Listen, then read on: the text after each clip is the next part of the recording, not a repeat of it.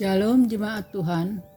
Senang sekali pagi hari ini saya Ibu Suwarti, anggota Komisi Usia Lanjut GKI Beringin, dapat menjumpai Anda dalam cerita pagi berupa perenungan firman Tuhan yang menuntun kehidupan kita.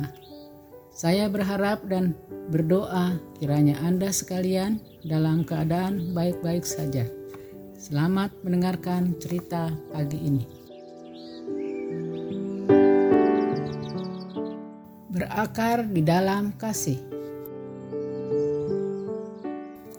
Pembacaan firman Tuhan dari Efesus 3 ayat 17. Sehingga oleh imanmu Kristus diam di dalam hatimu dan kamu berakar serta berdasar di dalam kasih.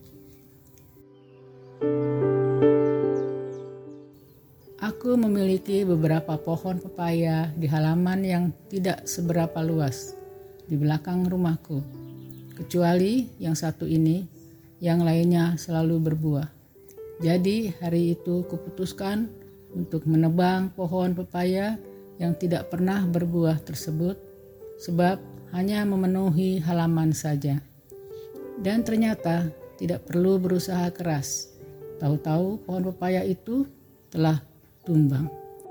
Oh alah, akarnya tidak seberapa besar dan tidak dalam merambat. Pantesan ia tidak berbuah. Tidak cukup sari makanannya. Rupanya dapat berbuah atau tidak dan seberapa kokoh sebuah pohon bukan hanya ditentukan dari jenisnya atau keindahannya saja, melainkan ditunjang oleh akar yang kuat. Akar memegang peranan penting dalam kelangsungan hidup sebuah pohon karena akar bertugas menembus tanah untuk mencari sumber makanan dan mengalirkannya ke seluruh bagian pohon. Sebuah pohon tidak dapat berbuah, bahkan tidak dapat hidup tanpa ditunjang oleh akar yang tertancap kuat di dalam tanah. Dengan sari-sari makanan yang cukup, maka batang bertumbuh semakin besar dan daun menjadi semakin rimbun. Bila rutin disirami, diberi pupuk, dan dipangkas, maka pohon akan menghasilkan buah yang manis dan berlimpah. Teringat kembali khotbah pendeta hari Minggu kemarin tentang Efesus 3 ayat 17. Aku jadi mengerti sekarang bahwa hidup kita sebagai orang Kristen apakah berkualitas atau tidak bukan ditentukan dari seberapa lamanya kita menjadi orang Kristen. Yang terpenting, apakah kita sudah bertumbuh dan berakar di dalam Kristus. Saat itu juga kusadari bahwa aku perlu berakar di dalam Kristus agar kehidupanku tidak mudah goyah serta menjadi makin kuat di tengah situasi apa pun, bahkan dapat berbuah lebat.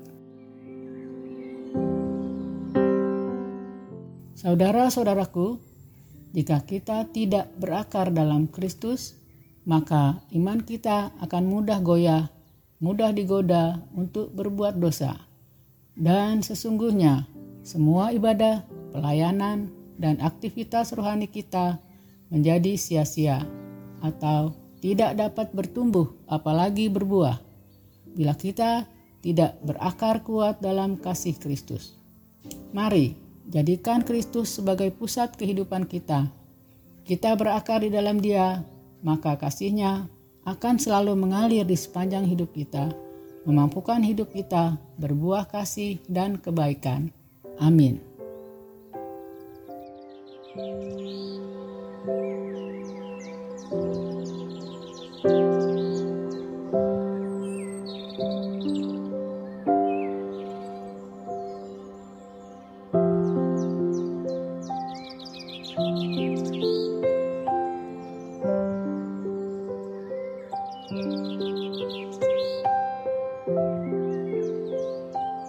Música